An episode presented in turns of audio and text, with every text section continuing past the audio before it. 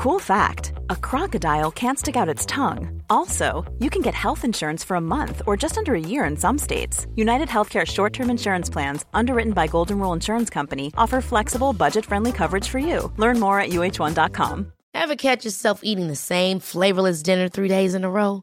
Dreaming of something better? Well, HelloFresh is your guilt free dream come true, baby. It's me, Kiki Palmer. Let's wake up those taste buds with hot, juicy pecan crusted chicken or garlic butter shrimp scampi. Mm. Hello Fresh. Stop dreaming of all the delicious possibilities and dig in at HelloFresh.com. Let's get this dinner party started. Many of us have those stubborn pounds that seem impossible to lose, no matter how good we eat or how hard we work out. My solution is PlushCare. PlushCare is a leading telehealth provider with doctors who are there for you day and night to partner with you in your weight loss journey. They can prescribe FDA-approved weight loss medications like Wagovi and Zepbound for those who qualify. Plus, they accept most insurance plans. To get started, visit plushcare.com slash weight loss. That's plushcare.com slash weight loss.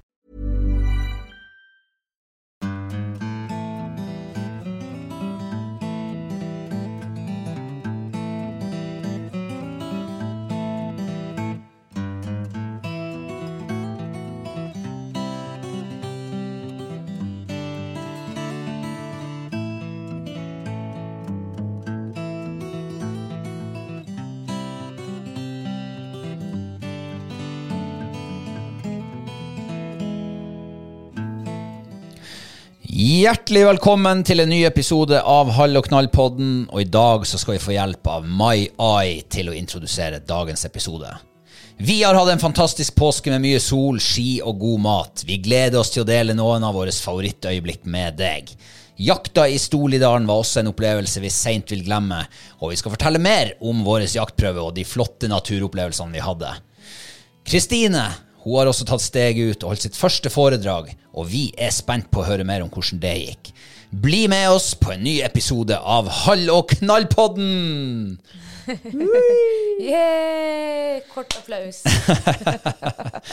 Vi har altså spurt Mai AI eh, i Snapchat, eh, din Snapchat-venn, snakkevenn, om hjelp Ja. til å introdusere dagens episode. Hva syns du om eh, Traff han godt, eller hun? Ja, altså eh, Nå vet jo ikke jeg hvilke hjelpemidler du har gitt han eller hun, men eh, ja, det var jo sikkert helt fint. Litt Men, annerledes. ja, litt annerledes ja, enn kanskje vi. Tenk Han har ikke speila personligheten vår, da, for å si det sånn. Tror Nei. jeg ikke. Nei, kanskje ikke. Han, eh, men samme det.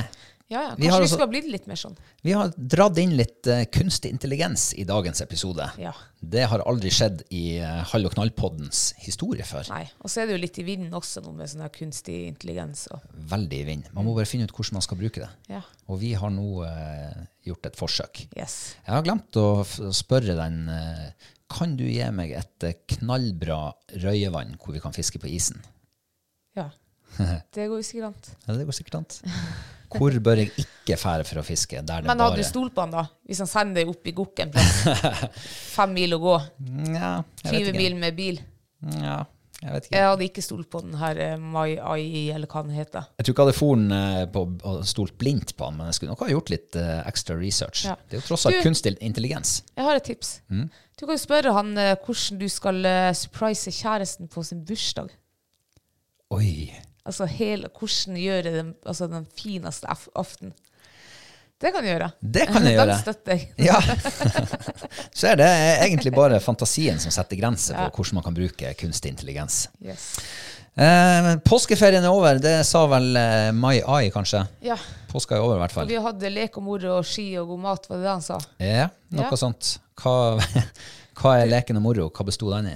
Hvis du husker så langt tilbake. Ja, altså nå det føles ut som påska var for en par måneder siden, for det har skjedd så mye etter det. Eh, påska var jo egentlig Det var litt sånn der eh, vær, men vi fikk nå oss telttur på isen. Vi fikk pilka til Røye, som eh, uteble. Vi har vært på flere fjellturer med hundene og gått på ski og trent hund. Og, ja, det var kanskje det jeg husker best av de her hundetreningsturene. Spesielt den siste, for da var det veldig varmt og fint vær. Og så var det bare så synd at vi hadde Liverpool-kamp, så vi måtte bare ski oss ned fra fjellet etter noen timer for å nå kampen. Ja. Men eh, har du noe høydepunkt ifra påska? Mitt høydepunkt ifra påska eh, Det var ikke mye å skryte av, det, Nei, nei. så jeg husker ikke. nei. Kanskje var eh, telt, teltlivet, da.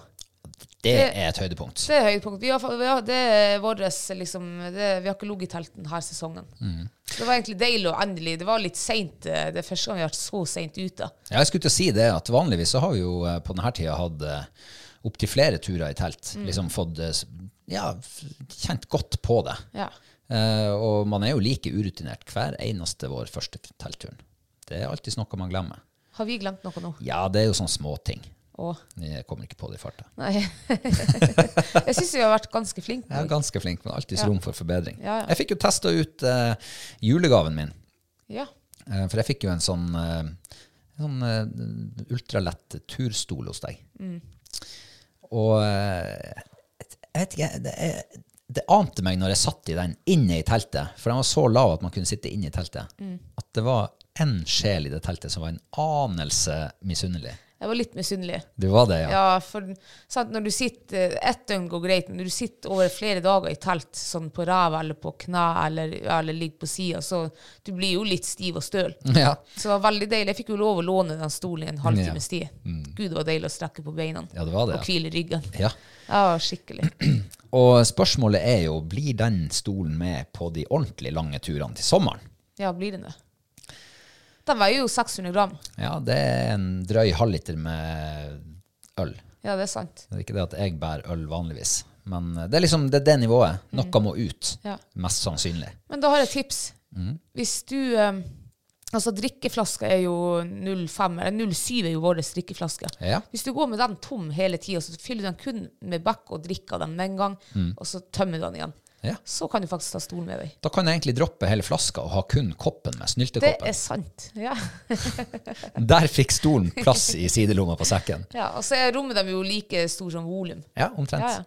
Men jeg syns det var en genial eh, oppfinnelse, det må jeg bare være ærlig å si. Mm. Eh, så den funka veldig dårlig på sne. Ja. Da datt den gjennom. Men uh, inne i teltet, på et reinskinn, utmerket. Så bra. Så vil jeg bare si en ting til før vi gyver løs på alt det Mai Ai sa at vi skulle snakke om i dag. Jeg har eh, klart å få fyr på scooteren. Ja. Tenk, du holdt på å ødelegge arbeidsverktøyet mitt i går. ja, tenk på det. Voi, voi. Eh, og det var ikke, jeg sier ikke bare at eh, altså jeg sier det ikke bare på kødd, det var faktisk fyr i teltet, liksom. Det var fyr. Ja. Det var flammer Ikke i teltet, men i scooteren. i scooteren, ja. Ja. På tur eh, hjem fra For vi fikk oss jo en, eh, nok en bomtur i går. Ja. eh, hvor vi skulle inn og fiske på isen, ta en liten dagstur. Eh, kjørte innover, eh, og det ble bare mer og mer vind jo lenger inn på fjellet vi kom. Vi tenkte vi kjører så langt løypa går, og så ser vi er det roligere i andre enden. Nei, det var det ikke. Men vi tok en liten stopp på returen. Fiska litt, eh, og når vi da skulle tilbake, så, så hadde omstendighetene det sånn at jeg måtte sette på Det var du som satte på eh, på scooteren. Ja. Låste bremsehendelen inne. Og når vi skulle kjøre videre, så sa du eh, Tok du løs bremsa? Ja da, sa jeg. Og alle som har kjørt scooter og setter på parkbremsen, vet jo at det er bare å liksom, Når du skal ha den av igjen, så bare klemmer du litt på Ja, bremsehåndtaket. ikke, du må klemme nok til at den går av. Ja, men den spretter ut Ja. av seg sjøl. Det gjorde jeg, og vi kjørte. Ja, spratt han ut, da? Ja, ja. Nei, det gjorde han ikke. Altså, altså, historien viser jo at den ikke gjorde det. Men der og da så opplevde jeg Jeg oppfattet at den gjorde det. Det var ingen problem. Merka ingenting på scooteren. Sant? Når du, hvis du kjører med bremser på, så, og så slipper du gassen, så er det jo bråstopp. Ja. Det var det jo ikke. Før vi kommer ut på vannet og eh, kjenner det ble sånn forbanna sviddlukt. Også ordentlig sviddlukt. Og det kommer røyk ut av panseret. Ja. Da hoppa jeg av scooteren. Ja, du sprang, sprang. på trygg avstand. jeg kunne jo ikke gjøre det samme, for noen måtte jo finne ut hva som foregikk. Ja. Åpne panseret, og der står det stikkflammer ut fra bremseanordninga. ja, tank. Eh, ja, det, du var redd for at det skulle, alt skulle gå i lufta der. Jeg var sikker på at nå sier det poff. Poff! Og du står der liksom Det hadde vel sagt, sagt mer enn poff hvis det var snakk om det du tenkte at skulle skje. Ja, ja, altså det skulle eksplodere. Det var det jeg så for meg. Jeg har jo sett på film at uh, når eh, motorkjøretøy tar fyr, så eksploderer det. Og det var det jeg tenkte det skulle gjøre. Har du sett på gjøre. amerikanske actionfilmer? Ja, ikke bare amerikanske, på norske også. Altså, jeg var jo livredd både, altså, jeg var jo redd for eh, ditt eh, vel og ve. Ja. Enn ditt eget vel og ve. Nei, jeg sto jo på trygg avstand. Men da sto du og skufla snø og slokka brann og Ja, Ja. det var litt varmt inni der. Var. Så, men det gikk heldigvis bra. Eh, Brannmann Bjørklund fikk eh, slokka bålet. Ja. Og, eh, men eh, altså, det her var jo et uforskyldent bål, sånn sett. Eh, du har jo faktisk setta fyr på bål på en uh, uhøvelig plass. Ja, men da var jeg fire år gammel. Ja, ja, men jeg er bare 42. Ja, ja. Da holdt vi å brenne huset til mamma. Jeg og Johanne lagde pølsebål i stua. Ja, en søndagsmorgen. Ja. Ja. Så, men det, er, det her var mye verre. For Ja. jeg spør deg faktisk, slo du av bremsa? Ja, sier du. Og så etter en kilometer så tar jeg scooteren fyr. ja. Ja, Men uh, vi har hver vår bål på samvittigheten, da. det er sant. Ja, så da er det 1-1 der. Nei, men påska ble jo avslutta med en uh, aldri så liten trøndelagstur. Ja. Altså eh, andre påskedag, der eh, resten av Nord-Troms Fuglehundklubb skal ha klubbmesterskap, så må vi dessverre takke nei og reise av gårde til Trøndelag. For vi har vært på eh, jaktprøve. Vi har vært på jaktprøve. Vi har vært en hel uke i Trøndelag og kosa oss. Ja. Gud, det var godt å komme tilbake. Ja. Dette er jo en prøve vi var invitert til for fire år siden. Uh, ja, altså jeg liksom ikke, jeg har ikke klart å glemme den prøven der etter. Men den har jo faktisk ikke vært eh, arrangert heller etter. Nei, det har den heller ikke. av eh, snøskred og korona. Og, Mm. Så det var liksom første gang nå i åra siden sist. Og sist vi var der, så tok jo du og Fight Storeslem. Ja. Eh, fikk dere en første VK-finale med Sasit. Mm. så og siden det ikke har vært eh, arrangert på fire år, så er dere jo per deff regjerende Stolidalsprøvemestere. ja, ja, vi, vi, var jo det. Så vi Ja. Dere kommer dit med høye skuldre og masse forventningspress. eh, Absolutt. Det var det vi kom med. Ja. Ja. Uh, Men uh, før vi kommer så langt, det er én ting vi bare må snakke om. Eh, Vi har jo hatt to hunder med oss. ja. Eh, Fight Reborn. Reborn han fikk jo sin første VK-premie der nede sist, for fire år siden. Eh, så vi hadde jo òg litt sånn forventninger til prøven. ja. Men det er ikke så enkelt å skulle reise med fly med hund. Nei, det er det ikke. Altså, det er jo så vanskelig som det bare går an. Ikke finne noe informasjon på I vårt tilfelle så reiste vi med SAS. Det var ingen info om uh, hvor mange hunder flyet tok, eh, om de visste om det var hund, altså booka hund på flyet. Du satt jo i tre timer i telefon på, på Andøya her for noen uker siden og liksom skulle booke og, og finne ut av. Og, og så viste det seg i ettertid at uh, SAS de tar bare én hund per flygning pga. skiturisme og sånn på denne tida. Uff, hvor vanskelig. Ja, det var kjempevanskelig. Også, og det er nå greit. Ok, flyet tar én hund. That's it. I Ja. den store flykroppen. Ja. Ett bur, én hund. Men det som uh, forbauser meg mest i disse digitale tider, det er jo at de ikke vet om det er plass til hund. Nei, Den ene hunden på det flyet. Nei. Ehm, det skjønner ikke jeg. For at framgangsmåten er som følger, altså helt bakvendt. For alle som har vært og handla i en nettbutikk, så vet nettbutikken hva de har på lager, stort sett. Sant? Enkelt. Er det, er det på lager, eller er det ikke på lager?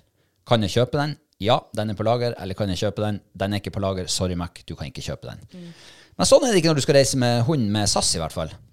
Da er det ringe, eller først bestille billett Ja, det må til deg sjøl. Ja. Og så må du ringe til kundeservice, og så må du si du jeg har bestilt billett. Jeg og min kone skal reise i lag. Vi har én hund hver med, altså én pluss én. To hunder. Eh, de hundene må også få plass. Ja, det er greit. De legger inn bestillinga.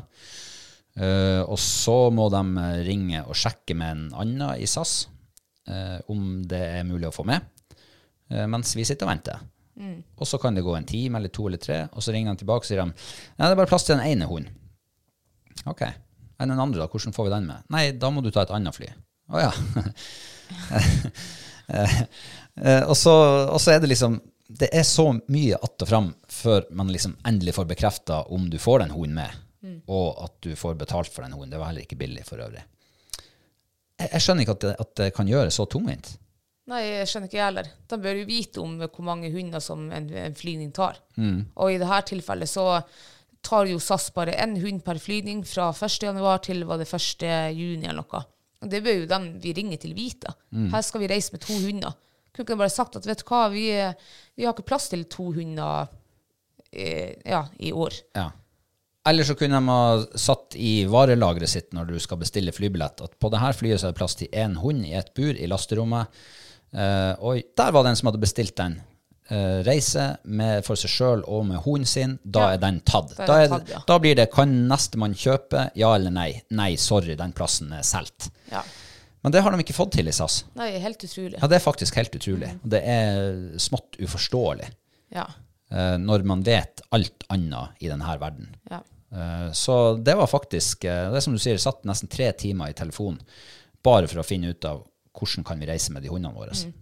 Og vi endte jo med at eh, jeg måtte reise på morgenen, og du måtte reise på kvelden. Ja. veiene. Mm. Så en reise tok jo eh, ja, eh, tolv timer, liksom. Ja. Ja.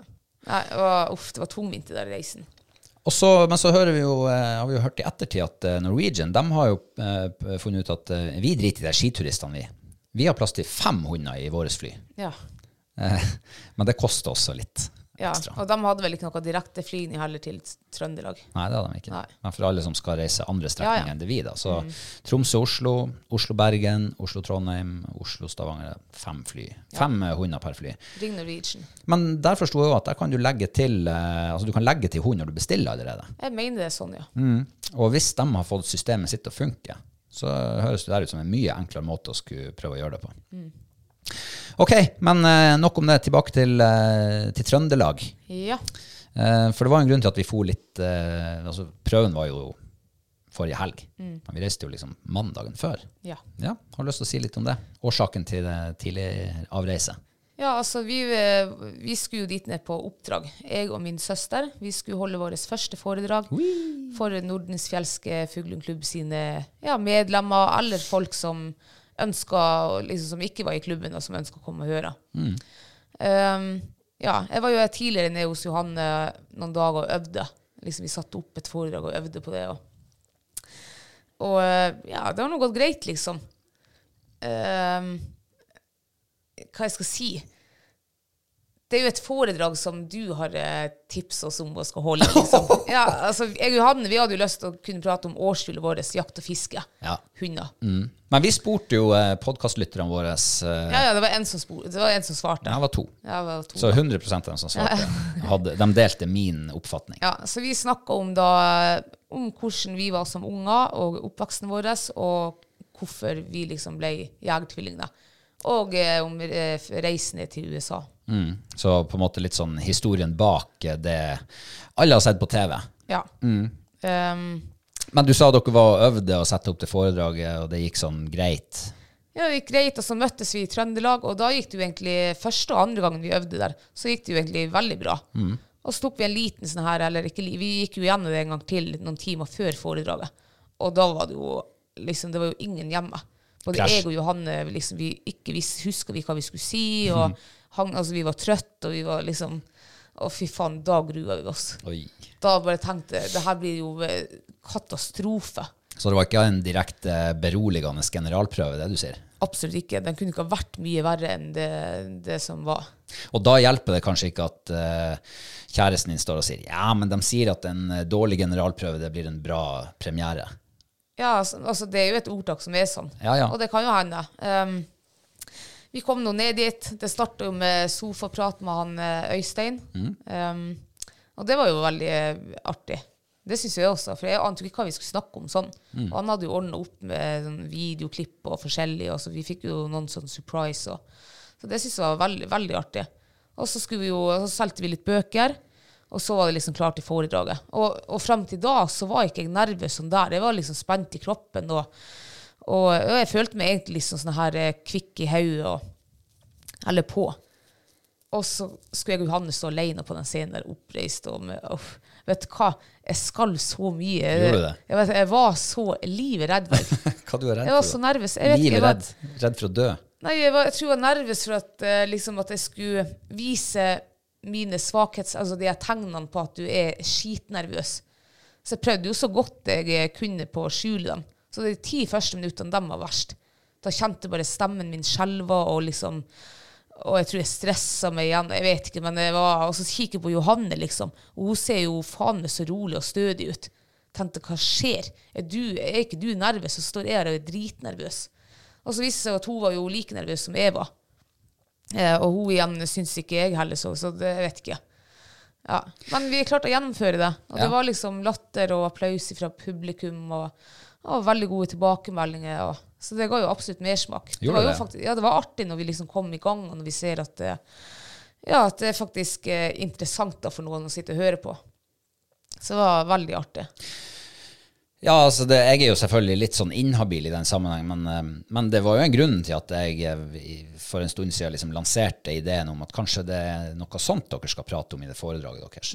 Og ikke ta den enkle veien med å, å bare prate om eh, jakt- og fiskelivet deres. For det har jo folk sett på TV, og dem- det ser de på sosiale medier, men, men eh, historien bak er det jo ingen som har hørt før. Nei. Men hvordan var det å liksom eh, Jeg vil jo si at dere på en måte kledde dere ganske naken underveis i foredraget der. Ja, vi gjorde det. Vi, har jo, vi delte jo ting med, med dem som aldri er blitt liksom sagt, sagt før. Så det var, jo- vi gikk jo ikke sånn i dybden, det gjorde vi jo ikke. Dette var jo et foredrag på, som varte rett i underkant av en time. Så jeg og Johanna begynte å prate liksom i dybden, så tror jeg det, folk hadde gått hjem. Nei, men altså, jeg mener altså, greit at det var ikke kanskje de aller innerste tankene og, og følelsene, men, men det å, å åpne seg opp eh, om ting som, som du ikke har prata med, med liksom, offentligheten om før, hvordan var det? Var det skummelt? Nei, det syns jeg var skummelt. Det var helt greit. Ja. Eh, ja, det er klart, nå har du jo nylig hatt 71 grader nord-serien i sekken. ja alle der- har jo sett at jeg har fått panikkangst og angst og alt mulig. Så Flyskrekk og Ja, ja. Altså, da men det kan godt hende det også som har gjort at det er ikke så skummelt å stå opp og snakke til folk om, om blant annet angsten som da ble eh, fortalt i det her foredraget. Ja. Uh, men uh, gode tilbakemeldinger, sier du, Mm. uh, og du nevner at det ga mersmak. Uh, Ja. ja. Hva tenker du om framtida? Er, det, er det, siste, det er ikke siste gangen det foredraget der blir holdt for noe? Nei, det eh, Jeg tror ikke det blir siste gang, nei. Det var ganske artig, var det òg. Og, eh, og når vi har et sånt flott publikum Jeg tror faktisk ikke vi kunne vært på en bedre plass liksom, enn Nordenfjelske fu- fuglehundklubb og med trøndere. Og Dere var blant likemenn, egentlig. vi var jo det, og så elsker vi trøndere. Ja. Så eh, nei, det var en kjempefin start å ta bilde av en jomfrubollen, eller hva man sier. Hvordan man sier det? Når du har gjort noe for første gang. Jomfruturen, kanskje? Ja, men er ikke det sånn at du slår, eller du tar eh, litt lufta på noe? På, nei, Ja, det- nei, jeg glemmer det. det- Men det var, ja, ja. Ja. Men det var i hvert fall en fin plass å, å, å eh, øve seg på. Ja. Og så var det jo faktisk eh, ett menneske, eller det var faktisk flere, det var en hel familie, som var kommet langveisfra for å høre på dere. Ja. Ja, og det er jo faktisk, visste jo at det var en av eh, våre podkastlyttere, eh, quiz-spillere, super-quiz-spillere. Han er vel den som har eh, kassert inn flest Jegertvillingens kokebøker på Hall og knall-quizen opp gjennom det siste året. Ja, det er det. Han hadde tre i hylla si. Og det artigste det var jo at eh, Stolidal-prøven hadde jo en sånn lotterisalg der vi ga bort en bok. Og tror du faen ikke han vant den? Ja, også? det, nå har han fire Jegertvillingbøker i, i, i hylla. her. ja, så de som kjenner han Gunnar, dem eh, kan, mange av dem kan nok sikkert forvente seg en kokebok under juletreet til vinteren, kanskje.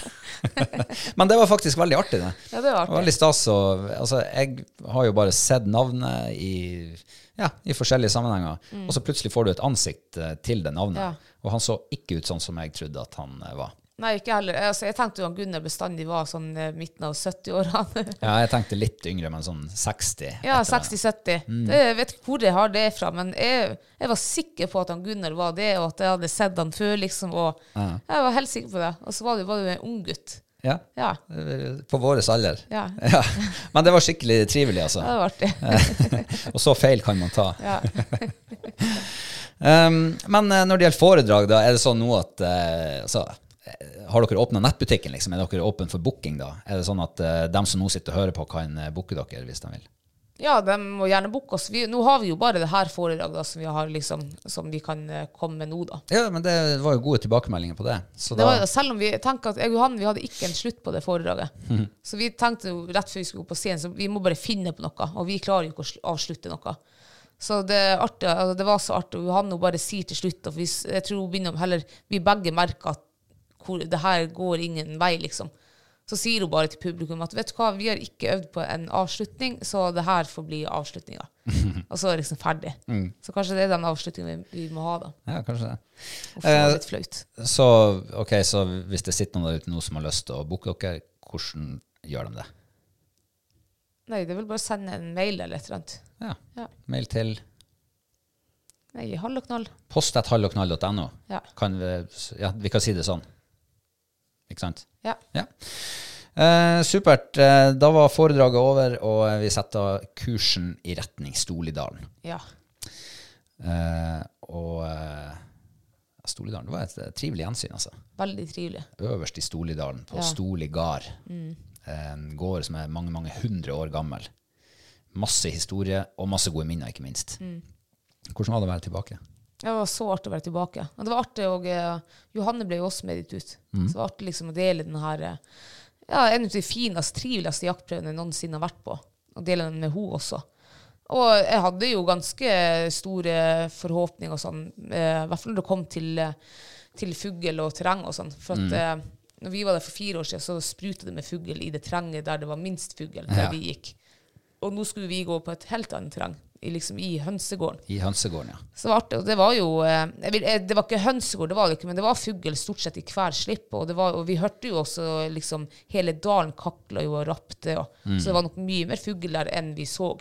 Ja, og det var jo ikke bare fugl i hvert slepp, men det var jo faktisk, i mange slepp var det jo mye fugl. Ja. Så, eh, og det er jo litt artig med sånne prøver når det er mye fugl. ja, ja, for da avgjøres det liksom på det. Da er det ikke at du går en hel dag, og så er det ikke fugl, og så Ja. Da er det liksom dem som har jobba best, går videre. Så det, nå er det liksom Nå må du Det er flere ting å spille på, så det syns jeg er litt spennende. Altså. Ja, og det er ingenting som er avgjort før det er over. Nei. Du kan ligge sist, og så får du deg et slepp med masse fugl, og så er du først. Ja. Eller, eller, motsatt. Eller motsatt. Ja. Eller så koker det over for en hund, og så ramper den seg ut, og den kunne ha ligget først. Og ja, Ja. det, det er det som gjør det artig. Det er det, ja. Og sammenlignet med en god del prøver vi har vært på før, hvor det er sånn at nei, det var den hunden som klarte å slumpe innom en fugl, den fuglen den dagen, som Ja. Mm. Men Da blir det litt sånn, det blir lange dager. Mm. Men når du går i bra med, terreng- bra med fugl, så dagen går fort. Spennende, skitartig. ja. Og vi gikk jo faen Vi var jo ikke nede før i seks, seks eller syv tid eller noe. Um, ja. Men eh, vi hadde jo eh, Jeg og Fight hadde jo slapp for deg og Reborn. Eh, hun peiser ut, finner henne i stand. Rypelette får godkjent fuglearbeid, og så peiser hun ut igjen, og så i ny stand. Og jeg får liksom to fuglearbeid med henne uten reis eh, etter første runde. Og da tenker jeg på at eh, Og det var jo hund, jeg tror det var ti hunder igjen etter første runde også. Det var ti, inntil ti som kunne være med videre til finalen. Så jeg tenkte vi er nå i hvert fall vi er nå safe av da en, eh, en finaleplass. Og eh, jeg hadde jo liksom håpa på å kunne få en, en premie på mm. Hun er jo gammel, og så det har vært kjempeartig. Det hadde liksom vært eh, fin avslutning. Veldig fin avslutning. For det her var jo egentlig Jeg tror det her var siste jaktprøven to Fight. ja, for det har jeg aldri hørt før. ja, men nå, altså nå til høsten så er hun 13 år, så jeg, jeg tipper jo at det er er siste jaktprøven. Ja, men for fire år siden vi var i Trøndelag, så, så sa du til meg jeg vil stille henne sjøl i, i Trøndelag, for det, det er mest sannsynlig hennes siste sesong. Nei, jeg tror ikke Salmo var ni år gammel. Jo, jo, jo. Nei, det tror jeg ikke. Men samme det. Ja. Eh, I hvert fall så kom jo runde to. Um, vi hadde jo hatt bra med fugl, så jeg tenkte jo at uff, det, det er jo ikke sikkert vi kommer videre. Det kan jo hende hun drar på seg noen minuser og ja, makkerstand eller sjanse eller noe sånt der. Slapp dem ut, og ja, de går vel i en tre minutter, så får vi høre at vi skal den veien, så at, og hundene bikker liksom under kanten, og så kommer den makkeren opp først. Og han hiser rett i stand opp på åpen myr, og så kommer jo fight eh, bak han. Og jeg, vet, altså i VK så skal eh, hun eh, eh, respektere makker i stand. Det vil si at enten må jeg klare å få sette henne ned, eller så må hun sekundere. Og hun fight, Og sekundere, for dem som ikke vet hva det er. da skal hun stoppe opp. Hun skal, altså, hun skal stå i stand på makker. da. Ja. Jeg vet at hun Fight, hun stakkars, hun er jo 13 år snart, hun har aldri sett en hund i stand. Hun er jo som først. Så i hvert fall jeg roper, og der anser jo Fight at å, her skjer det noe, siden mamma roper sånn. Så da kikker hun bare, kaster blikk til venstre, der står jo makker, og hun gasser dit. Og jeg roper og jeg roper og jeg roper. Jeg roper faen hvis jeg tror faen at innvollene mine skal er på tur ut. Og ikke faen om hun hører etter meg. Altså, hun, ørene er lukka igjen. Hun gir faen i meg. Hun fær opp til makker. Og det er akkurat som at hun tenkte nei, herregud, det her, her er jo ingen fugl. Så går hun liksom rundt og lusker mens makken liksom avanserer opp i, i nye stander. Og, og fight, hun følger nå etter, liksom går foran han der, og, og plutselig så får rypen opp. Og da visste jeg jo at Og jeg, fortsatte å rope deg, da. Og jeg ropte henne etter det også, jeg skulle ha henne inn. Ikke faen. Jeg måtte faen meg, jeg måtte ski meg helt ned til hun hente henne. Og det her er snakk om på 30 meter. Mm. så hun, hun fighter ikke tunghørt. Hun bare gir faen i meg. Og da visste jeg at nå, eh, vi er ute nå, det visste jeg jo. Eh, og da, jeg, jeg var så skuffa over den hunden der i ett minutt. Ja, I ett minutt, så lenge. ja, ja halvt minutt. Ja, ja. Altså jeg var skuffa der og da, var jeg.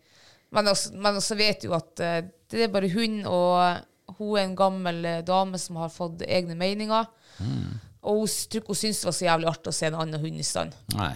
Så jeg tror, men det som forbauset meg, da, det var jo at hun, at hun lukta rypa som var liksom foran der en plass. Ja, det var litt rart. Det syns jeg var veldig rart, at hun heiv seg sjøl i stand. Men hun sto aldri i stand. Hun, liksom, og da tenkte du at det der Ja, vi ble slått ut på en tomstand, tenkte jeg da. For det kunne jo også ha skjedd. Ja. Nei, det var, det var litt irriterende. Så var det, jeg var irritert var i ett minutt. Og så gikk det nå over. Ja. Jeg har jo vært med i det her gamet nå så lenge at eh, jeg lar ikke skuffelsen eh, ligge og gnage og ødelegge dagen. Det gjør jeg ikke. Som visse andre. oh, ja, jeg skulle til å si det var det der en liten pisk over bordet her. Så vi var jo ferdigbedømt. Eh, det var Rebons Nei, Rebon hadde jo allerede da et fuglearbeid. Ja, fra første runde. Ja. Eh, ja, eh, for det, altså, det var jo veldig spennende. Altså, det var veldig fint terreng vi gikk i. Eh, og det var veldig sånn variert. Du hadde skog nede i, rundt vannet, og så var det oppe i sånn ordentlig høyfjellsterreng, bare rett på oversida, der skogen slutta. Uh, og opp på høyfjellet der så var det jo så god oversikt. altså Du så jo flere kilometer framover. Jeg tenkte det her er jo kanonterreng fra en reborn. Um, men vi fikk vel slippe ned i skogen.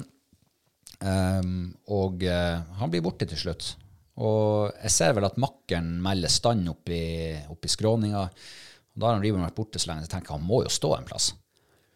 Eh, så jeg skir meg nedover, og det var jo, der hadde jo vært folk og gått dagen før også. Så det var så mye hundespor overalt, og det var nesten umulig å følge de sporene som jeg mente var hans. Så jeg gikk langt nedover og leita, og gikk opp igjen og tenkte var han kommet opp? Nei, han var ikke kommet opp, så jeg tenkte han må bare gå lenger ned. Og kommer nedover, så åpner det seg litt opp, og der ser jeg han står i stand. Midt ute på en myr, eh, med noe sånn skogholt i, i foran han. Og da tenker jeg bare yes, nå skal du se. Og da blir vi ikke slått i fugl heller. Nei. For det hadde jo skjedd hvis han fortsatt hadde vært ute i søk. Ja, ja. Ja. Eh, så da står han der, og jeg eh, Og da er faktisk eh, han ene dommeren, og det er jo en gammel ringrev, eh, han Ingvar Røsje. Han ser jo hva som skjer, så han følger på et lite stykke bak meg, blir med meg ned, eh, ser hunden i stand, eh, og får eh, Fikk jeg reis på han? Nei, ikke da. Nei, ikke da. Nei, eh, fuglene lette, ja. Stemmer det. Fuglene lette eh, f- sånn idet vi er på egentlig sånn litt ja, jaktbart hold. Skyt. Eh, får godkjent eh, fuglearbeidet. Det blir lagt ut apport, og han apporterer, og det var liksom åh. Det var så deilig. Og det har jo vært for, altså, for alle som har hørt på denne podden en stund, så har de jo, vet de jo at det har vært mye stang ute. og det har ikke gått veien da, så ofte for meg og han Reborn på jaktprøve. Så det var altså så deilig, bare den der situasjonen der, at jeg fant han i stand, og han holdt stand helt til vi kom ned. Han må jo ha stått der i fem minutter, minst. Ja. Han ble jo borte over den haugen der, altså, der du fant han også. Eh, og når den situasjonen er over, så er sleppet over. Åh, det var så deilig. Og da liksom du har første runde, sånn som dere òg, tar to fuglearbeid etter første runde. Eh, og ha det fuglearbeid, da er du liksom, da er du med på lista. Og i og med at vi ikke var slått heller, så var det jo, så var vi jo rein. Ja. Eh, lå jo egentlig, ligger jo godt an da, for, eh, for neste runde. Eh, og eh, han får slippe mot samme hund en gang til, vil jeg huske. Mm, stemmer. Um, og han, han gikk altså så godt den Var du dagen. nervøs da i andre runden? Jeg var så nervøs. Ja, det skjønner jeg. Og da kom vi jo inn i et terreng etter hvert som var veldig uoversiktlig. Veldig sånn kupert, med sånne Mye små sånn slukter, humper, ja. skog. Eh, altså i vannegn, liksom. Ja. Der er du ofte litt ekstra frodig. Og jeg tenkte at holder han kontakten nå, så har vi god sjanse. Man, man vet jo ikke. Plutselig så forsvinner han, og så blir han borte, og så blir det gående så lete etter han. Altså, jeg var så nervøs. Jeg kjekk på pulsklokka. Jeg finner han jo i stand. Uh, og han står da også ute på en liten myr med li- en, en liten kvast med kratt foran han, altså en liten busk. Og så ser jeg rypa på, på bakken, og det gjør han òg. Dommeren følger på, og jeg følger på, og han tar de nødvendige stegene framover, får rypa på vingene, og jeg skyter, og han er komplett rolig. Og kikker på pulsklokka. Jeg hadde 130 i puls. Ikke mer. Nei. Jeg tenkte jo at den pulsklokka der, den er ikke rett, for det kjentes ut som det var mye mer. Men uh, den hadde nå antagelig fasiten. Og da er det jo fortsatt litt tid igjen. Ja. Og jeg vet jo at ok, et fuglearbeid med reis, et fuglearbeid uten reis, da er vi helt oppe i toppen der. ja, dere er helt rein. Vi er helt rein, ingen minus. Uh, han har egentlig litt pluss på søk. Og så vet jeg at her er noen minutter igjen. To minutter igjen, sa de, ja. Ja. Og, Og det ble jo tettere og tettere og mer tettere. Og Ja, jeg ja, var ja. sjøl så nervøs, jeg. Jeg var så nervøs, og jeg tenkte liksom at hvorfor måtte dere bruke de her siste to minuttene? Kunne ikke dere bare sagt at nå var tida over? Nei da. Slipper på igjen, og han forsvinner. Og i det der enda verre, nesten så jeg skulle si gaupeterreng, men det var altså helt Ja, ja. var... Du ser ingenting. Du kan gå opp på en haug, og så ser du, og så er det bare en ny haug bortfor der, og en ny haug bortfor der. Sånn her helt sykt landskap. Og det er så tett imellom alt at det er umulig å finne hunden. Tilfeldigvis så ser jeg, der står han, ned i en sånn liten slukt. ja. Og så ser jeg at den andre hunden kommer inn fra høyre. Og jeg tenker, og han står jo og har jo stand i retning dit den Ja. andre hunden er på tur. Så jeg tenker, hva skjer nå? Hvis den tar opp den fuglen der, da kan det jo hende at konkurransehauget hans slår inn, og så mister han, og så drar han etter. nei, nei. nei. Ja, jeg tenkte Ja, det. ja. Jeg var jo så nervøs. Jeg gikk jo igjen på pulsklokka. Men var dommeren, så dommeren han i stand? Dommeren så han i stand. Og han ser jo at den andre hunden kommer inn. Det går ikke noe rype. Før, og da ser jeg jo til slutt rypa sitter imellom han og der den andre hunden kommer inn. Rypa letter og flyr av gårde, eh, og han er rolig igjen, får skutt og får det tredje fuglearbeidet. Mm. Og da visste jeg at nå er vi på topp. Ja, For jeg, jeg klarte ikke å huske at det var noen som hadde flere fuglearbeid den dagen. Ja, det var en som hadde Den som lå på topp da for han han hadde ett fuglearbeid med reis, ett fuglearbeid uten reis og en stand utenfor jaktbar hold. Ja. Så Reeburn hadde tre godkjente fuglearbeid, ja. pluss plus på søket. Og da er jeg jo veldig spent, ikke sant. Men jeg vet jo at jeg er jo så dårlig å holde styr på alt sånt. Men jeg, det ante meg at vi var først. Eh, og så går jo dommerne gjennom slippet og gjennom dagen og begynner å dele ut premiene, og så havner vi altså med første VK. Ja. Og så sier de eh, Og så har vi diskutert, skal vi krydre, krydre prestasjonene med, med noe mer? Og det gjør de, og de deler altså ut CK til både første og andre premien den dagen. ja. Jeg visste dere fikk CK også. Ja, var, altså- eh, at så, så mye sånn de har hunder som på søk og sånn der. Og så visste jo hva han hadde av fuglearbeid. Mm. Så det var, det var ikke tvil om at han skulle se på den dagen der. Da var jeg så glad og rørt på deres vegne. Ja, jeg var også så rørt. Jeg kjente det pressa litt på bak øynene der noen få sekunder i, midt i liksom tilbakemeldingen fra dommerne. Og, ja, det var, og det var så rått. Nå skjønner jeg altså, hvordan du kanskje hadde det første gangen du fikk førstepremie med O-Fight. Eh, og det var liksom sånn ah, OK. Skuldrene datt ned. Hjertet kom tilbake på rett plass, og hodet Alt ramla på plass. Akkurat som jeg ble liksom bygd sammen som en sånn perfekt legofigur. Ja. Eh, så, og så vet jo der og da også at eh, nå, det her er liksom VK-billetten for de neste to årene. Eh, og det var en så fantastisk dag. Det, det var liksom den prestasjonen der som var det, det, var det som var det, det største for min del. Men jeg syns du også var flink eh, før den dagen der. Passa på, sånn som det var tett eh, eh, biotop og sånn der. Mm. Passa på å fløyte ned og holde den liksom. Ja, det var jo nervepirrende. For du sa jo til meg før vi reiste her hjemmefra, så sa du ta nå den fløyta med. Du husker jo hvordan jeg reagerte på fløyte sist. Tenkte ja, ja, jeg kan jo ta den med. Og så kommer du bort til meg, så sier du før første slippet ta Nei, før andre runden. ta nå den fløyta fram. Ja. Og jeg tenkte ja, ja, jeg tar den fra Her, ingenting skal være uprøvd i, i tilfelle jeg trenger det. Nei. Og så slår han seg opp gjennom en skog og opp en bakke, og så er det jo en sånn topp der, og hva som er bak der, aner jeg jo ikke. Men Det det, er bare viddelandskap. Så han kunne ha sprunget om så hvor langt liksom, Ja. hvis han hadde Og så ser det ut som han jobber med et eller annet. Det er lukt der oppe. Og da står jo jeg som fører der og tenker skal jeg, blå, jeg sto med fløyta klar i kjeften. Skal jeg blåse han ned nå hvis det sitter fugl der oppe, og så blåser han ned?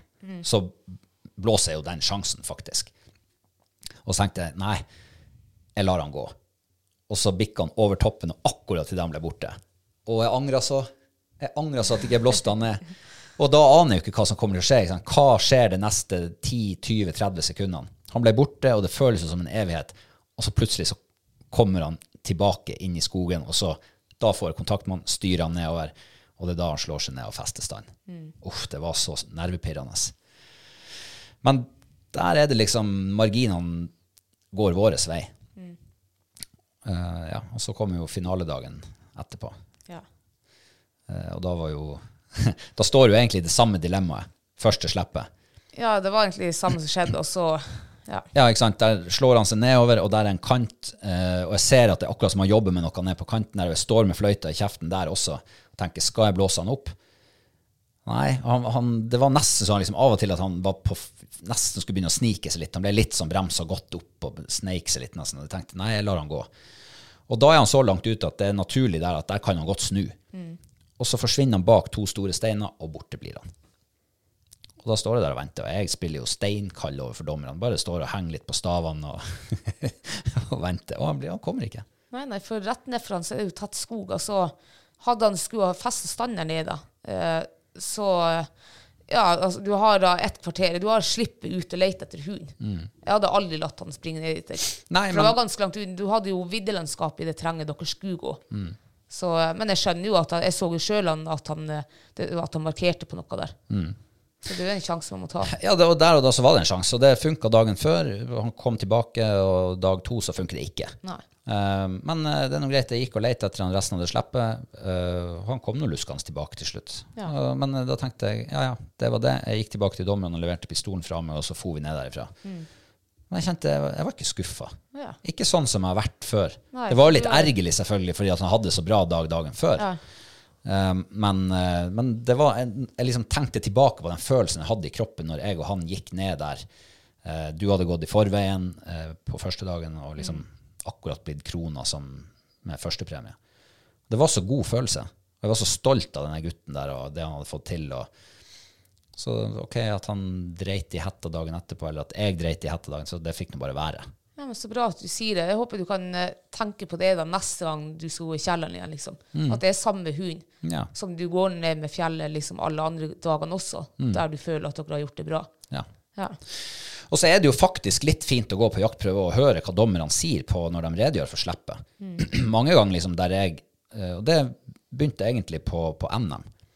Hvor dommerne eh, egentlig ikke De sier ingenting om der jeg tenker at han hefter litt for mye, eller blir litt sånn blir borte litt for lenge, eller slo seg litt for langt bak. Eller sånn. Når han kommer tilbake igjen, så er det liksom greit. De, så jeg er jo antagelig mye strengere overfor både meg sjøl og hun enn alle andre. Så det er veldig fint å få sånn der reality check, egentlig. Så jeg skal ha den, putte den i sekken eh, under capsen, og så skal jeg ha det med meg eh, ja, resten av min jaktprøvekarriere. Jeg skal prøve det. ja, så bra. Nå mangler det bare to CK til, så han uh, jaktsjampion. Å ja. ja nei, det, det skal vi fikse. Yes. så bra. Nei, men det var en flott prøve, altså. Ja, veldig fin. Jeg anbefaler alle å ta turen til Stordalsprøven en gang. Det, det, var, det er en ordentlig koselig Og prøve. det som er så artig med den prøven, det er at liksom alle bor på eh, samme plass. Du trenger jo ikke det, da, men og på morgenen etter eh, opprop og sånn her, så går alle ut hver sin vei derifra. Mm. Det er liksom, Du starter ikke bilen eh, når du er der, og du Nei. bare går i hver, hver retning. Ja. Skikkelig artig. Ja, og- så fugl overalt. Ja, og så har vi også vært på en jaktprøve hvor vi har gått altså anmarsjen inn til terrenget var på én time. Jeg syns det er helt ok. Ja. Jeg tror vi er, vi er liksom så redd for at nei, vi kan ikke velge oss et terreng på den jaktprøven her der du må gå et stykke for å komme inn dit. Nei, det er ingen problem, altså. Nei, Så lenge det er verdt å gå. Ja. Jeg kan tenke meg Hvis du går en time til et forbanna dritterreng, og du, du ser Ja. ikke ei rype, du ser en ravn kanskje som eneste fugl, Mm. ja, da skjønner jeg at det er litt dritt å gå en time inn og en time ut. Mm. Men å gå liksom inn til, til Nei. ja, det er i hvert fall ingen problem. Nei, overhodet ikke. Eh, skal vi tilbake til Stolidalen? Ja, jeg skal dit eh, jeg, jeg må sikkert tilbake med å fighte dit neste år. Ja.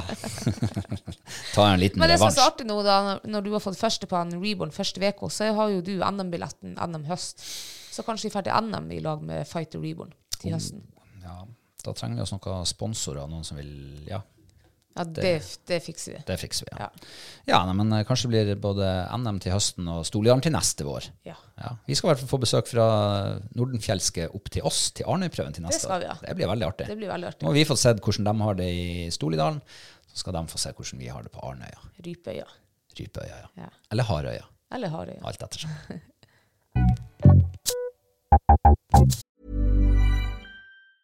If you thought the only way to get a more defined jawline with natural looking results was through surgery, think again. Juvederm Volux XC is a non surgical injectable gel filler that improves moderate to severe loss of jawline definition and can help you achieve natural looking results with little downtime. Even better, this improved definition lasts up to one year with optimal treatment. No maintenance required. Improve jawline definition for a smooth, sculpted look with Juvederm Volux XC. For important safety information and to find a licensed specialist, visit juvederm.com. That's J U V E D E R M.com. Not for people with severe allergic reactions, allergies to lidocaine, or the proteins used in Juvederm. Common side effects include injection site redness, swelling, pain, tenderness, firmness, lumps, bumps, bruising, discoloration, or itching. There's a risk of unintentional injection into a blood vessel, which can cause vision abnormalities, blindness, stroke, temporary scabs, or scarring. Talk to a licensed specialist to find out if it's right for you. Hey, it's Ryan Reynolds, and I'm here with Keith, co star of my upcoming film, If, only in theaters, May 17th. Do you want to tell people the big news? Right, I'll do. Sign up now and you'll get unlimited for $15 a month in six months of Paramount Plus Essential Plan on us. Mintmobile.com slash switch. Upfront payment of $45 equivalent to $15 per month. Unlimited over 40 gigabytes per month. Face lower speeds. Videos at 480p. Active Mint customers by 531.24 get six months of Paramount Plus Essential Plan. Auto renews after six months. Offer ends May 31st, 2024. Separate Paramount Plus registration required. Terms and conditions apply if rated PG.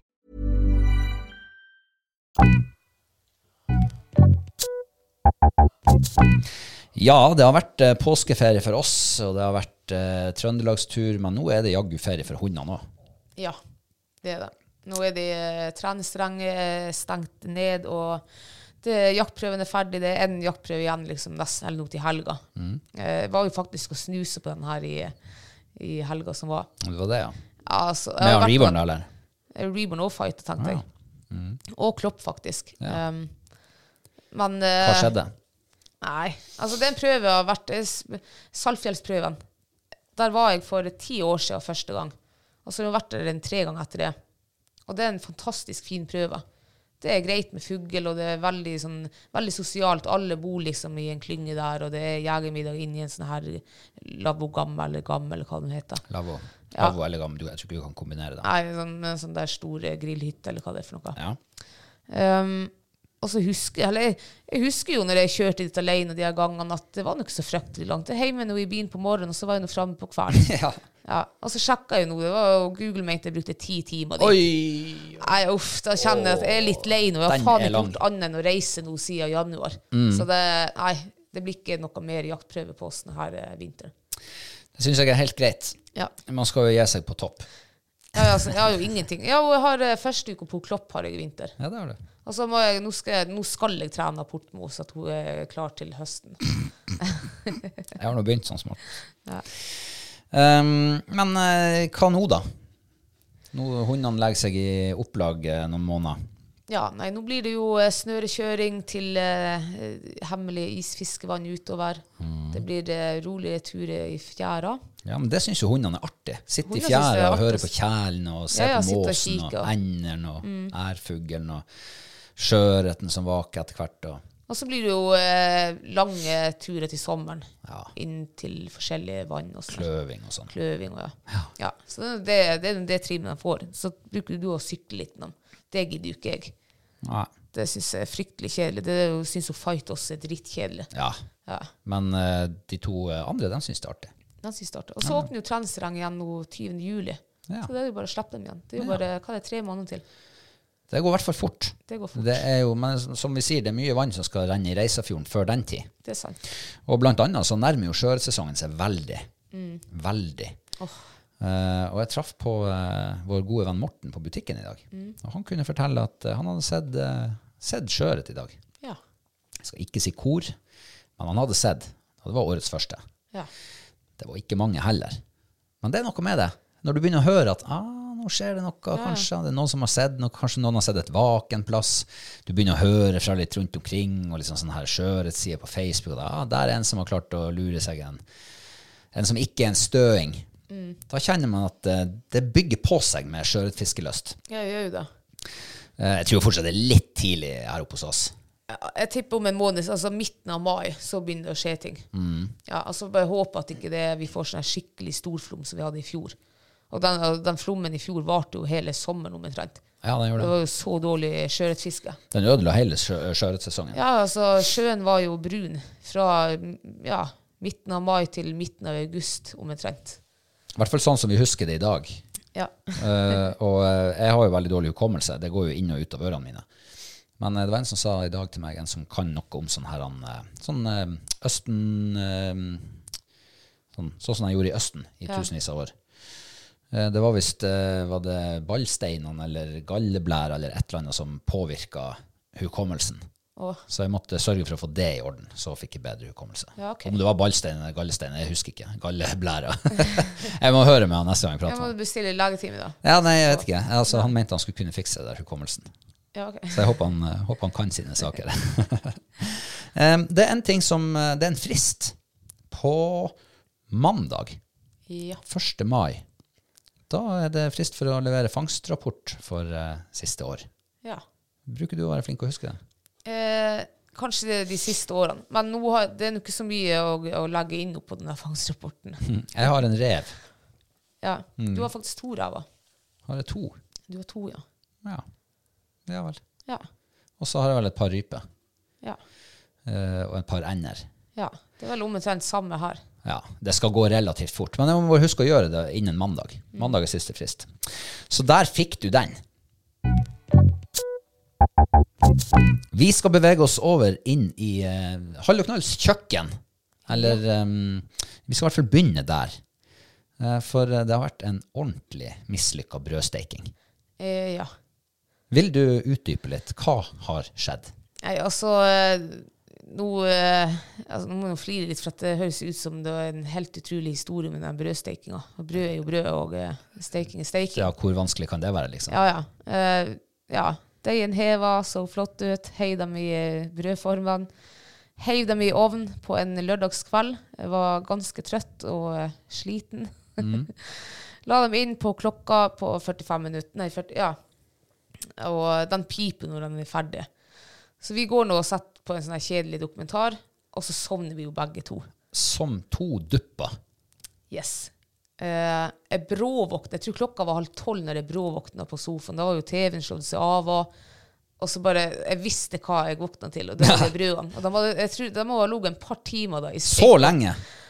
Vet du hva, du kunne faen meg slått mannen i hjel med en sånn der brød. Ja.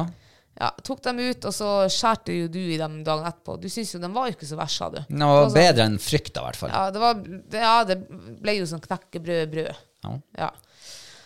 Den Så- smaken var noe god. ja, jeg vet ikke. Det var veldig mislykka.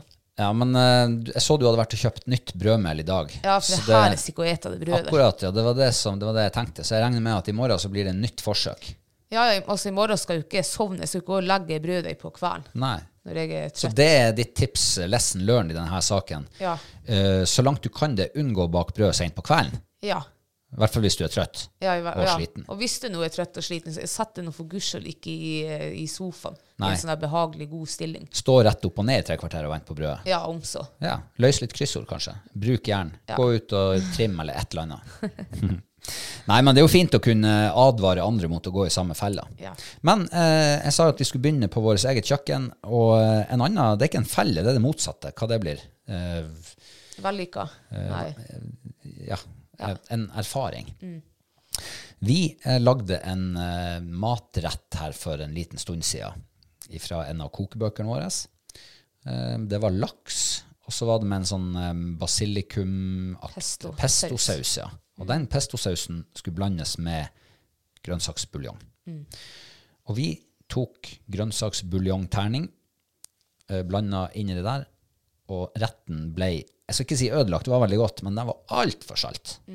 Eh, så nå i helga så lagde vi faktisk den samme retten med hjemmelaga grønnsaksbuljong. Eh, hva syns du om det? Herregud, altså det var en helt annen rett. Var det natt og dag? Det var natt og dag. Vet du hva, den var så mm, Den var så deilig, den der pestosausen. Eh, jeg er helt enig. For en forskjell. Bare ved å bytte ut den der eh, Terningen Toro-terningen, Ja, eller hva det ja. var, med hjemmelaga. Jeg kommer aldri til å bruke grønnsaksbuljongterning igjen. Skal vi se, jeg bare noterer det. Ja. Aldri mm, grønnsaker. Ja. Nei, altså, du, altså, hvis du bare legger en par timer ekstra tid i det her, ja, man kan jo vaske huset, eller ja, ja, så får du en så eller mye bedre rett. Det ble mye rundere og deiligere smak og mer naturlig. Og liksom, det var ikke saltsmak. Nei, det var kun rund, deilig Og det var helt grønnsaksbuljongsmak. nydelig. var det. Så det anbefales. Mm. Det var jo veldig enkelt. Det er jo bare å hakke opp egentlig det du har av grønnsaker, nesten. Mm. Eh, mye rotgrønnsaker, litt løk, litt sånn. Fyll på med en eh, dæsj med hvitvin, tørr hvitvin, og så vann, og så la det putre og koke i to timer. Mm. Når du da siler det av, så smaker du på det. Den trenger litt mer fylde. Koka ned. Ja, Og så er den så fiks ferdig.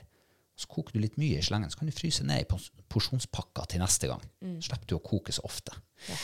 Ok, da eh, begynte vi på vårt kjøkken, og nå regner jeg med at vi skal bevege oss ut fra vårt kjøkken. Hva er ditt mathøydepunkt eh, Du- siden sist? Mitt mathøydepunkt Det må sies at denne helga her, det har vært eh, to terningkast fem retter vi har lagd i vårt eget kjøkken. Eh, Så skal vi holde oss der, da, kanskje? nei, Nei. for at vi var i Trøndelag, og der var vi på en sushibar, Sabrura. Eh, og der hadde de sushibuffé. Ja. Aldri liksom vært borti det før. Du kommer inn, betaler var det 150 kroner eller noe, så kan du sitte og spise så mye sushi du bare orsker. Da eter man seg ganske mett. Man gjør jo det, ja. Man skal jo ha valuta for pengene. Jo, jo. Um, nei, det var uh, Det var så nydelig. Jeg elsker jo sushi. Det jo, vi har jo ikke sushi her eh, i, i eh, si Nord-Troms. Ser du for stjerner i øynene når du tenker tilbake på det? Ja, så eh, det må være Jeg husker ikke om det var den første gangen vi var på Sabrura i Trøndelag, eller om det var andre gangen vi var på Sabrura i Trøndelag og spiste bu- sushibuffé som var best. Men vi var der to ganger og spiste, og det var bare helt nydelig. Så det, det er mitt mathøydepunkt. Ja, så bra. Eh, jeg tok nå kanskje litt forgjeves, eller litt på forskudd, det med at vi skulle ut av vårt eget kjøkken. Men det var mest fordi at jeg sjøl skulle ut av vårt eget kjøkken. Ja. Og jeg skal til Trøndelag, jeg også. Og jeg skal til Storli gard. ja. For jegermiddagen der besto av basturøkt eh, lammelår. Og hva de heter de sauene de har der? Er det en sånn her Gammel, gammel, Gammel spelsau, eller eller ja, villsau. Spelsau. Det kjøttet og den sausen, det var så godt. Jeg har tenkt etterpå, for jeg tenkte ah ja, det her kan være at det blir ukas mathøydepunkt. Og etter det så har jeg liksom tenkt når vi har spist noe annet godt, overgår det her den opplevelsen? Nei, ikke det. Ikke, det er ikke noe som liksom har bytta plass i hodet mitt med den der. Men nå har jeg fått det ut, så nå har jeg plass til et nytt mathøydepunkt. Ja. Det var veldig godt. og Jeg har aldri spist røkt lammelår før. Nei, det var var veldig godt, var det. Ja. Og du, det var faktisk stor forskjell på smaken med den der eh, milde røyksmaken enn et vanlig urøkt. Jeg er helt enig. Så eh, det lurer jeg på om jeg skal faktisk prøve å få tak i til en spesiell anledning. Ja. Eh, noe annet du vil legge til? Eh, nei. Nei. Vi skal eh, ønske velkommen en eh, nyankommen Patreon. Først så vil jeg bare si at i gjettekonkurransen vår så står stillinga fortsatt ett poeng til meg og et halvt poeng til deg. Har jeg bare før halvt poeng? dagens gjettekonkurranse. For hvem er det vi skal ønske velkommen i dag? Vi skal ønske Lisbeth Skjellbakken velkommen. Ja, Ja, velkommen, Lisbeth. velkommen skal du være. Veldig trivelig at du vil være vår Patrion. Mm. Eh, på bildet så er hun ute i naturen. Det ser ganske flatt ut der hun er. Mm, Jeg ser litt sånn viddeaktig ut. Litt sånn viddeaktig ut. Men Høyfjells. ser, ja, men det er akkurat som jeg ser noe litt sånne høyere trær. Å ja. Så jeg tenker, Først tenkte jeg Finnmark, men jeg tror ikke det er Finnmark. jeg. Nei. Kan det være i Trøndelag? Oi. Ja, men eh, kan navnet si det noe, eller? Altså, jeg, jeg vet ikke, men om jeg, jeg må ha en fetisj for trøndere, for jeg tenker jo trønder hele tida. Skjellbakken, det høres trøndersk ut, syns jeg. Så du havner i Trøndelag en plass? Uff, jeg kan jo ikke gå i den fella der, ellers så jeg kommer jo ikke til å få noen poeng, da. Lisbeth Skjellbakken. Det høres litt Jeg får sånn trøndersk vibes. Hvor du tror det bildet er tatt, da? Bildet tror jeg er tatt eh, på Røros. Ja. ja da Fare fra to Det trøndere. Femundmarka tror jeg bildet er tatt. Ja. Og hun er fra Da, må, da er hun fra jeg må, jeg, må holde, jeg må bare si Trøndelag. Skal vi se um, Selbu. Nei, ikke Selbu. Nei, jeg må bare si eh, Kan jeg si bare Trøndelag? Nei. Nei Du får tenke på Jeg tenker på plass mens du er... Ja. Ja. Jeg tenkte med en gang jeg så det bildet, og eh, nå er det veldig mye mindre enn ditt bilde, men så tenker jeg at uh, det er så flatt baki der. Jeg tenkte um, Hva den heter Jotunheimen? Er det den heter, den store vidda? ja. Og hvis du går i Jotunheimen, så er det jo fare for at du kanskje er fra Geilo eller Skjellbakken. Jeg tenker det er kanskje litt sånn nord på Vestlandet en plass. Tror det, ja. Eh, så jeg lurer faktisk på om jeg rett og slett bare kan si Geilo.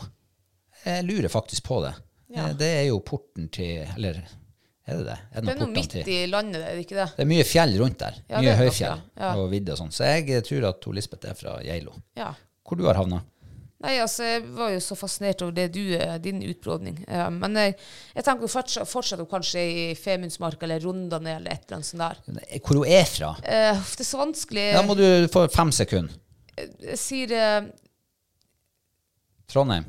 Nei, da, nå går jeg utfor Trondheim, da. Trysil, sier dere. Trysil. Nei, Tynset. Tynset. Ja. Ok, den er grei. Det er notert. Eh, Faen, nå Lisbeth. angrer jeg. Ja, nå er loddet er ankeret er kasta. Lisbeth, vi tar sikkert feil begge to. Send oss gjerne en melding, og så får du avklart eh, om det er noen av oss som får poeng for det her. Ja. Um, og hvis du vil bli Patrion, så gjør du det enkelt. Bare trykker du deg inn i episodebeskrivelsen, så finner du en link der, så kan du trykke det videre inn. Veldig enkelt. Og du sparer masse penger i nettbutikken vår. Og apropos nettbutikken, så jeg, eh, vi har akkurat fått inn en ordentlig nyhet. Fordi at jeg har jo savna intermediate-snøre når vi har fiska med våre eh, LTS-snører. Eh, Sjøørretfiske. Der er det kommet. Intermediate. Eh, LTS Salt Intermediate. Yes. Jeg gleder meg så til å prøve det. Jeg også. Og hvis den fungerer like bra som altså sånn kastemessig og alt det her som vanlige LTS-snører gjør, så er det her helt, helt perfekt. Den finner du der. Da er vi ferdige for i dag, Kristine. Ja. Var det deilig å komme i gang igjen? ja, det var jo det. Ja. Ja. Eh, det føles nesten litt ut som foredragspremieren igjen, når man har vært Ja, så lenge borte. det føles ut som vi har hatt en kjempelang sommerferie. Ja, ja. Men eh, den har ikke vært så litt lang. rusten, føler jeg, men nestemann, og så er jeg eh, back on track. Jeg tror du kan få gode tilbakemeldinger på dagens episode også. Kanskje bortimot like gode tilbakemeldinger som du fikk på foredraget. Eh, Så da er første påskedagsepisoden, liksom. Første etter påskeepisoden unnagjort. Og til deg som hører på, må du huske å abonnere på podden, så får du med deg alt som skjer. Følg oss i sosiale medier, og så høres vi vel gjennom om en uke. Ja. Da er det 1. mai. Da har Da- vi fri. ja, og da kommer vi hjem fra fjellet, faktisk. Så det kan godt hende det blir en sein episode, for da har vi sikkert sittet der oppe hele helga og eh, altså kubba røya. For vi har fått tips om et nytt vann. Yes. Og det Der skal testes. Fisken er så stor at han kommer ikke opp holdet. Ja. Gled deg. Takk for at du har hørt på. Vi høres igjen om en uke. Ha det.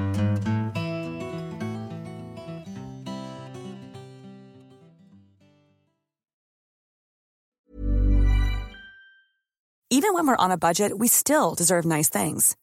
Quince is a place to scoop up stunning high-end goods for 50 to 80% less than similar brands. They have buttery soft cashmere sweaters starting at $50, luxurious Italian leather bags, and so much more. Plus, Quince only works with factories that use safe, ethical, and responsible manufacturing. Get the high-end goods you'll love without the high price tag with Quince. Go to quince.com slash style for free shipping and 365-day returns. Hold up. What was that? Boring. No flavor. That was as bad as those leftovers you ate all week. Kiki Palmer here, and it's time to say hello to something fresh and guilt-free. Hello Fresh. Jazz up dinner with pecan-crusted chicken or garlic butter shrimp scampi. Now that's music to my mouth. Hello Fresh. Let's get this dinner party started. Discover all the delicious possibilities at hellofresh.com. Hi, I'm Daniel, founder of Pretty Litter. Cats and cat owners deserve better than any old fashioned litter. That's why I teamed up with scientists and veterinarians to create Pretty Litter. Its innovative crystal formula has superior odor control and weighs up to 80% less than clay litter. Pretty Litter even monitors health by changing colors to help detect early signs of potential illness. It's the world's smartest kitty litter. Go to prettylitter.com and use code ACAST for 20% off your first order and a free cat toy. Terms and conditions apply. See site for details.